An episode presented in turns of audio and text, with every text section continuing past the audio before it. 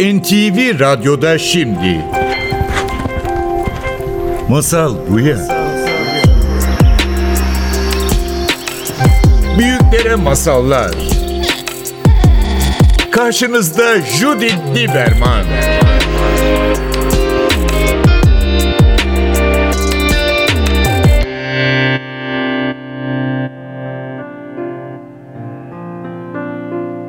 Masal Buya'ya hoş geldiniz. Bugün Mavisel Yener'le birlikteyiz. Mavisel hoş geldin.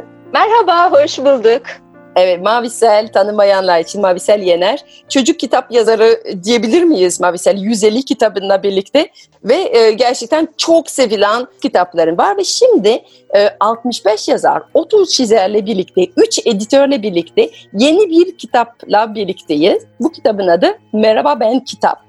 Ve bu kitabın konusu çocuk edebiyat, çocuk kitapları. Zaten bu hafta e, Uluslararası Çocuk Kitap Haftası'nda olduğumuz için bizim sohbetimiz bu. E, çocuklara kitap okumak, okutmak, sevdirmek, kitap sevgisi aşılamak bir de e, nitelikli okur olmak. Bütün bunları gerçekten aşılamak istiyoruz. Bütün aileler ister ki çocuklarını çok kitap okusun. Ama nereden başlayalım, nasıl tuttururuz bu mayası? E, bu soruyu 65 ayrı çocuk kitap yazarlara sordunuz ve bu bütün cevapları bir kitaba derlediniz. Bu hafta bu konu konuşmak için benimle birlikte olduğun için sana teşekkür ederim. E, nereden başlayayım? Bunu bununla başlamak isterim Mabise. Senin çocuk kitap aşkın nereden başladı? Seninki nereden başladı? Sana bu aşkı nasıl aşılandı? Şimdi öncelikle e, ben de herkese merhaba diyorum. Merhaba ben kitap projesinde tam da senin söylediğin gibi okumak üzerine anılar var, anlatılar var, öneriler var. Çocuklarımıza nasıl kitap okutabiliriz? Onları e, kitaplarla daha sıkı ve coşkulu bağlar kurmalarında annelerin, babaların e, yanı başında duran, onlara destek olma amacı taşıyan bir kitap. O nedenle bunu burada konuşmak benim için de çok büyük bir mutluluk olacak. Benim kitap okuma aşkımın nasıl başladığını e, aslında o kitapta anlattım. Birçok yazar zaten nasıl başladığını anlatıyor. E, belki kitabın ilginç yanı da bu zaten. Severek okuduğumuz yazarların nasıl okumaya ve yazmaya başladıklarının e, ipuçları var orada. Fakat şunu söyleyebilirim, hepsinin ortak noktası çocuk yaşlarda bunun başlaması. Hatta bazı yazarların daha okuma yazma öğrenmeden önce masal dinleyerek annelerinden, babalarından, ninelerinden masallar dinleyerek edebiyatın o büyülü dünyasına katılmış olmaları. Bunları okuduğumuz zaman anlıyoruz ki çocuk yaşlarda onlara masallar anlatmak, onları edebiyatla buluşturmak, onlara sanatın o güzelliğini hissettirmek ileriki yaşlarında da o iyi birer okur yapıyor. Yalnız okur yapmakla kalmıyor, bazen de çok iyi yazar yapabiliyor. Ben de öğretmenlerim sayesinde ve e, bana masal anlatan anneannem ve annem sayesinde açıkçası bu e, yolda e, ilk adımlarını atmış birisiyim. O nedenle e, tüm öğretmenlerime e, ve aileme de teşekkür borçluyum. Hemen şunu da söyleyeyim, sen de vurguladın. Babalar bu konuda bazen biraz geri kalabiliyorlar, geride kalabiliyorlar. Günlük e, belki koşuşturmalar nedeniyle. E, ama bizi dinleyen babalar da var mutlaka. Bizi dinleyen babalara ben diyorum ki lütfen çocuklarınıza masal anlatın. Peki o zaman Mavisel var mı çocukluğundan bu yana hala hatırladığın bir masal var mı dedin e, anneannem anlatırdın diye. Evet. Tabii hatırladığım çok masal var. Hatta bazılarını yazdım da ben onların. Evinden Kaçan Masal diye bir kitabım var. Orada yazdım anneannemden dinlediğim masalları. Ee, ama masallar tabii zaman içinde şekil değiştiriyorlar. Ee, anlatım biçimi değiştiriyorlar. Ben kendi anlatım biçimimle anlattım. Ama onu okuyan okurlar belki ileride kendi çocuklarını onu bambaşka bir biçimde anlatacaklar. Kendi alabileceklerini alacaklar ve kendi kattıkları da mutlaka olacaktır. Çocuklarımızı masallarla buluşturmamız gerekliliğini bu Merhaba Kitap kitabında okuduğumuz zaman da bir kere daha anlamış oluyoruz. Peki bizi biraz şeye götür. Bu çocukken sana masal anlatılan bir akşama götür. Yani özellikle bir yer var mıydı veya soba başında mıydı ya da özel akşamları oluyor muydu? Ne oluyordu da birden masal kutudan çıkıyordu? E, Valla nereden bildim bilmiyorum ama gerçekten soba başındaydı. ben Ankara'da büyüdüm. Çocukluğum Ankara'da geçti. Gerçekten soba başında.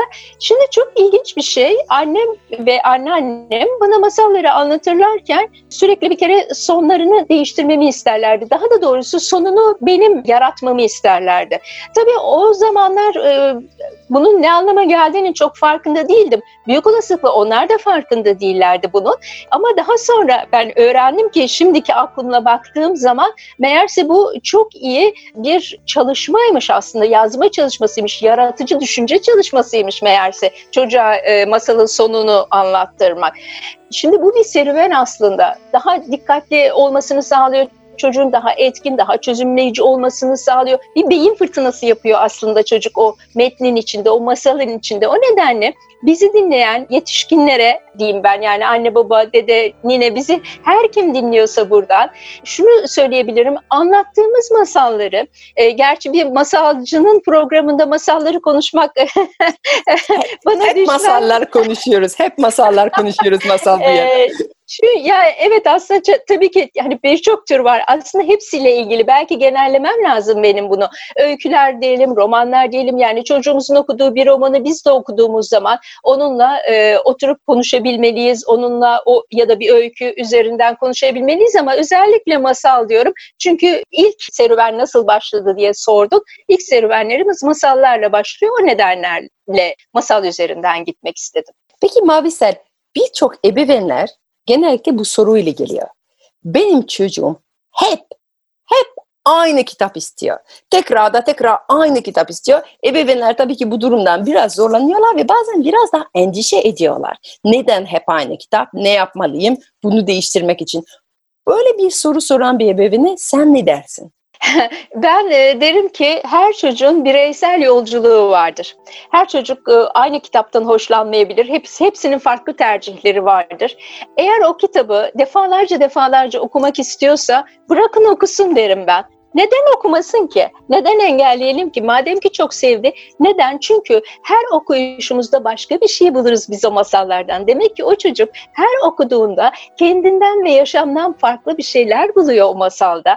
Ee, her gün değişiyoruz. Aynı değiliz. Belki bundan bir saat sonraki kişi değiliz şu anda biz. Yaşadıklarımız, çevremizde yaşananlar hepsi değişecek. O nedenle bu iç dünyamızın değişmesine bağlı olarak masaldan algıladıklarımız da değişecektir. Çocuk da her okuduğunda başka bir şey görecektir orada. Başka bir kahramanla belki empati kuracaktır. O nedenle o kitapla konuşacaktır ya da o masalla konuşuyordur o çocuk aslında. Bırakın konuşsun, bırakın sohbet etsin, bırakın dertleşsin o masalla. Ee, yaşamı boyunca aynısını okuyacak değildir. Korkmasınlar aileler. Nasılsa o kitap değişecektir bir gün. İlla bir gün değişecek değil mi? Peki 65 tane ayrı yazarlar kendi serüvenleri, kendi tavsiyeleri verdiler. Ee, senin içinde belki seni en çok şaşırtan ya da senin içinde en çok yer alan paylaşımların ne oldu? Bunu söyleyebilir misin? Seni e, şaşırtan veya düşündüren veya hiç unutmadığın hangi e, yazarın tavsiyesi oldu? Verebilirim birkaç tavsiye örneği. Örneğin ritüeller bulalım demişti bir yazarımız. Bu gerçekten çok önemliydi. Yani ritüel ne demek? İşte biraz önce söylediğin gibi ne bileyim bir sobanın sobayı gördüğümüz zaman masalı hatırlıyorsak eğer işte o soba o ritüelin bir parçası demektir. Ee, bir kitap okuma köşemiz olabilir çocuğumuzla ya da birlikte bir tütsü yakarak okuduğumuz bir kitap olabilir. İşte o tütsü bizim ritüelimiz olur ya da bir müzik parçası açabiliriz. Bunun gibi böyle minik minik rutinlerle birlikte e, yapılsın. Belki sen bunu Nakarat. başka bir türlü de Bir nakarat yaratmak gibi çocuğun bir hayatında. nakarat Evet çok doğru.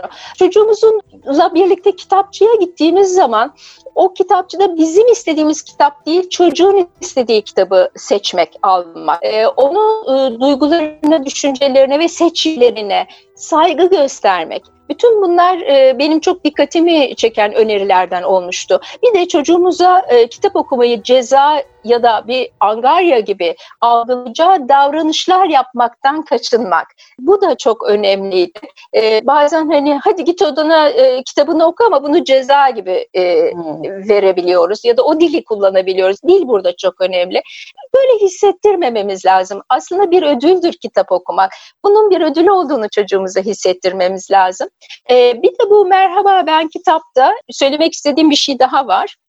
Burada ailelerden de gelen öneriler var bu kitapta. Hmm. Biz aileleri de sorduk. Kitap iki bölümden oluşuyor. Evet ve bir bölümünde ailelerden gelen önemliler, e, öneriler var. E, bunlardan da birkaç tane dilersen paylaşmak isterim. Evet evet isterim tabii ki. Bir anne diyordu ki bebeğim daha doğmadan evimize gelmeden önce nitelikli yazarlar bulmaya, bakmaya, doyulamayacak kitaplar seçmeye çalıştım ona. Zor olan hamilelik dönemimde elimi karnıma koyup o kitapları bebeğime okudum. Daha kafasını dik tutamazken bu harika kitapları göz hizasında karşısında tuttum. Kitabın hayatın bir gerekliliği, olmazsa olmazı olduğunu daha bebekken anladı, hissetti. Uyku öncesinde dikkati dağılana ya da uykuya dalana kadar okudum. Şimdi hadi uykuya dediğimde ama anne ben okumadan uyuyamam ki diyor. Alıyorum elime kitabı, okuyorum. Çok güzel. Yani çok bir güzel. annenin deneyimi, bir annenin evet söyledikleri çok hoş. Ee, merhaba ben Kitap Çocuk ve Gençlik Yayınları Derneği'nin bir projesi. Ee, sevgili Aytül Akal'ın mimarlığını yaptığı bir proje. 2018'den bu yana çalışılıyor bu projenin üzerinde. Ee, Fatih Erdoğan, Doğan Gündüz, Esra Alkan, Füsun Çetiner, şu anda yönetim kurulundaki arkadaşlarımız ve on e, ön ayak oldular bu kitabın çıkması için ve TUDEM yayınları da bu bir gönüllü çalışmaydı. Bu gönüllü çalışmaya kitabı basarak ve dağıtımını sağlayarak destek verdi. E, Bunu da söylemek isterim. E, Çocuklarını yetiştirirken kitaplar en iyi yol arkadaşlarından biridir anne ve babaların ve o nedenle tüm yetişkinlere, tüm anne babalara ithaf edildi bu kitap. Bu çok önemli gerçekten bir çalışma. Çünkü birçok insanlar soruyor. Benim kızım var 2 yaşında. Ee, Şimdi e, seninle konuşurken aynı zamanda onun kitap okuma köşesi görebiliyorum. Yani yüzlerce kitap var orada. Ve e, söylediğin gibi yani çok genç bir yaşta başladığımız için o da sürekli ödül e, gibi işte yatmadan önce işte birkaç kitaplar ister, getiriyor, seçiyor. 2 yaşında olduğuna rağmen yani biraz sonra 2 yaşında olacak. Her kitabın kendi ismiyle çekiyor. İşte panda kitabı, işte şey kitabı getiriyor. Ama benim kardeşim benden biraz daha abartarak hatırlıyorum. O da e, hamileyken ki- çocuğuna kitap okumaya başladı. Ve ondan sonra bana şey demişti. Hamileyken de bir kitabı onun çocukluğunda en sevdiği kitabı hamile karnında okudu. Defalarca okudu. Ve sonra ne ilginç oldu ki bu trenden bahseden kitabı onun çocuğun en ama en sevdiği kitabı. Yani doğduktan sonra çok kitap okudu ona. Ama her defasında bu anne karnında okunulan kitabı yeğenimin en sevdiği kitap oldu. Ne kadar ilginç bir tesadüf değil mi? Yani şimdi tahmin etmiyoruz gerçekten. Bu çok ilginç. Gerçekten, gerçekten. Evet çok ilginç. Yani hep anne karnında e, annenin babanın sesini duyduğunu e, söylerler çocuğun. Bu bunun da bir kanıtı aslında. Ben de bebeklerimi beklerken eşim onlara masal okurdu örneğin. Karnımdayken daha onlar masal okurdu onlara. Böylece hem babanın sesini duymuş oluyor. E, babanın e, o masal anlatan e, sesine çok ihtiyaç aslında çocuğun. Tabii, tabii. Hem babanın elbette. O ihtiyacı da gidermiş oluyor. O sesin o kulağa çarpışı, o yumuşacık sesinin gelmesi, o masalı anlaması, algılaması o anda gerekmiyor. Ama o sevgi akımını e, Aynen. hissettiriyor masallar. Aynen o enerji. Aslında tabii ki benim yeğenim bu kitabı anlamış ve tanımış olamaz ama her defasında aslında şeye bağlı bence. Okuyan kişi heyecanla ve sevgiyle okuyor mu? Şimdi benim kardeşim bu kitabı o kadar çok seviyordu ki hamileyken bile okuyası vardı. Demek ki bu kitap kardeşimi o kadar çok seviyordu ki aşıladı bu sevgi. Sonra benim kızıma e, eşim bir tane kitap okudu. Yani bir tane kumaş bir kitap vardı. E, iki aylıkken e, eşim bunu anlatmaya başladı. Ama bu kitap aslında çok ilginç bir hikayesi. Hikayesi yoktu yani. Böyle bu bebek kitabı. İşte hayvanlar var, işte kuyruklar var. Hayvanlar birbirine şey soruyorlar. İşte senin kuyruğun nerede? Benim kuyruğum orada. Senin kuyruğun nerede? Benim kuyruğum orada. Ve o kitap aslında o kadar hikayesiz bir kitaptı ki. benim için kendini biraz eğlendirmek için sonuçta iki ay, üç aylık bir bebeğe bir kitap okuyor. Böyle komik komik anlatmaya başladı. Kendisini eğlendirmek için. İşte sesler yapıyor, işte yan yorumlar yapıyor. Diyor ki işte sen köpek her sabah soruyorsun aynı soru. Dün sormamış mıydın? İşte kuyruğum nerede olacak? E tabii ki benim arkamda benim kuyruğum her defasında seninki de aynı yerde. Böyle eğlenerek her defasında farklı farklı anlattı. Öyle anlatınca oldu mu kızımın en sevdiği kitabı? Oldu. Yani eğlenerek anlattığımız her şey gerçekten çocukta kalıyor. Ve ondan sonra bir süre işte bu kumaş kitabı yanımızda almadan çıkmıyorduk. Yani e, oyuncak olarak bir tek ona ihtiyacımız vardı. Çünkü e, küçücük çocuk gerçekten 45 dakika hiç yorulmadan bu sayfalara bakabiliyordu. Çünkü babası kaç kere önceden eğlenerek eğlenerek anlatmıştı. Dediğim gibi ödev veya ödül gibi değil, zorunluluk gibi değil, eğlenerek yani bu sevgi aşılanıyor ve o yüzden belki önce ebeveynlerin kendi ilişkisini tamir etmesi veya kurması gerekiyor kitapla. Yani e, her şey var. Sen bu kitabı seviyor musun diye soruyorum. Sen bu masalı seviyor musun diye soruyorum anlatan kişiye. Bazen ebeveynler bana geliyor ve diyorlar ki benim kızım 5 yaşında. Hangi masal anlatayım? Şey diyorum. Senin sevdiğin bir masalın var mı? Aa evet ama 5 yaşında çocuk için uygun, uygun diyorum. Çünkü sevdiğin yerden başlaman gerekiyor. Değil mi? Mavisel senin oku, kesinlikle, okulda... Kesinlikle e, öyle çok çok doğru. E, şimdi tabii çok küçük yaş e, grubu, ya, grubu için konuştuk hep hani okul öncesi grup için konuştuk. E, fakat tabii çocuklarımız biraz daha büyüdüğünde ilkokula ortaokula geldiklerinde belki bunu da konuşmak lazım biraz. Evet, e, evet. Onlarla kitaplar hakkında konuşurken kendi deneyimleriyle ilişkilendirmeleri sağlanmalı. Yani orada ne yapıldı, e, sen olsan ne yapardın gibi e, önerilen fikirleri kabul etmesi ya da reddetmesi e, sağlanmalı. Yani onun eleştirel okur olması sağlanmalı. Hmm. Şimdi sen konunun başında nitelikli okur diye bir şeyden söz ettin. Nitelikli okur nedir? Aslında belki bunu öncelikle bir söylememiz lazım sevgili dinleyenlerimize. E, tabii okumanın üç anlam boyutu var. Bir tanesi temel okuma yazma becerisi, ABC becerisi. E, ikincisi bunu bir alışkanlığa, bir gereksinime dönüştürme ki bu işte okul öncesi dönemde sağlıyoruz bunu. Bir de üçüncü evresi var bunun işte nitelikli okur olma devresi. Burada anlam boyutu giriyor. Okumayı eleştirel bir biçime getirme, eleştirel düşünme biçimi haline getirme. Yani okudukları üzerinde düşünebilme, değerlendirebilme, alternatif fikirler yaratabilme becerisi. Şimdi okul öncesinde diyelim ki işte masalı çocuğuna e, tamamlatırken anne baba aslında çocuğun alternatif fikirler üretebilme becerisini orada tetiklemiş oluyor. Bu çalışmayı yapmış oluyor aslında. E, tabii ki çocuğa demiyor hadi bakalım senin alternatif fikirlerini geliştirelim. Bunu söylemiyor ama tabii ki çalışma bunu e, getiriyor. İşte böyle bir okuma yaşamımız boyunca bizim kullanacağımız bir araç. Bu da benim de masal anlatırken çok deneyimlediğim bir şey. E, masal anlatırken çocuklar soru sorar. Ve bazen benim öğrencilerim, masal anlatma e, adayları e, bu sorulardan çok korkarlar. Çünkü çocuk geliyor bir şey diyor. Ama neden kaplumbağa oraya gitti? Veya ama neden oraya bunu denemedi? Neden şöyle yapmadı? Ben bir şey diyorum bu bütün soruları kabul edelim ve kendimize soralım.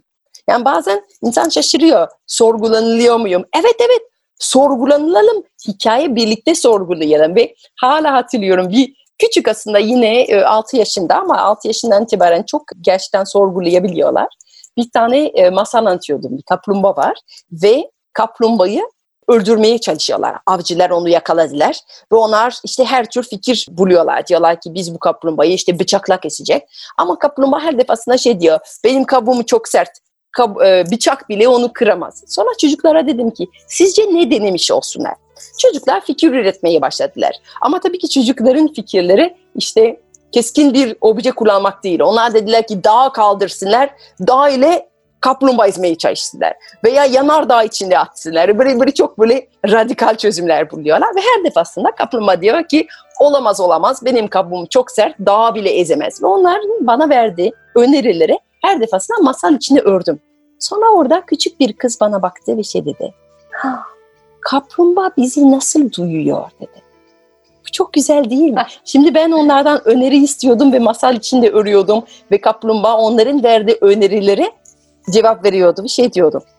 Yani hayır daha benim kabuğum ezemez. Çocuk dedi ki demek ki bizi duyuyor kaplumbağa. Ama kaplumbağa hikaye içinde ve biz hikaye içinde değiliz. Hikayenin içindeki kaplumbağa, masalın içindeki kaplumbağa bizi nasıl duyuyor? Bu ne kadar güzel bir soru değil mi? Müthiş yani. Çok güzel bir soru, müthiş bir soru. İşte çocuk beyin fırtınası yapıyor aslında orada, bize de yaptırıyor. Ve biz e, bunu yaparken onun eleştirel bakışını yok edecek tavır ve dilden uzak durmalıyız. Orada dur şimdi bunun sırası değil, şimdi bu soruyu sorma canım işte masaldır bu dediğimiz anda o bakışı yok etmiş oluyoruz ki e, yaptığımız şeylerden biri, yanlışlardan biri bu.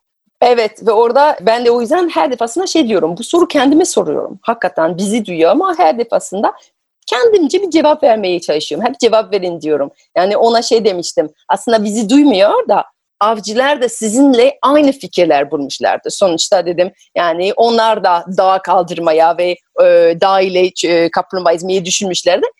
Avcılar da sizinle aynı şey söyledi. Aa dedi avcılar da aynı fikirler buldular. Evet onlar beyin fırtına yaparken sizinle aynı fikirler bulmuşlar. O yüzden kaplumbağa ona da, da aynı cevap verdi ve çok da rahatlamıştı. Bu da çok önemli tabii ki çünkü her ne kadar git gel yapıyorsak hikaye ve gerçeklik arasında bir çizgi saklamamız gerekiyor. Çocukları e, güvende hissettirmek gerekiyor. O yüzden orada bir, hafif bir endişe vardı. Onlar bizi duyuyorlar ama hayır.